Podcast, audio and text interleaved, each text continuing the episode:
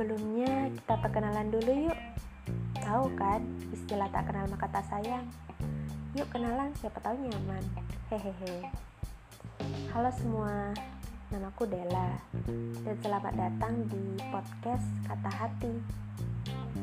Podcast ini bakalan ke depannya bakalan membahas seputar hal random mulai dari kisah asmara aku hmm, motivasi dan mungkin puisi-puisi yang akan menemani hari-hari kalian. Semoga kalian suka ya.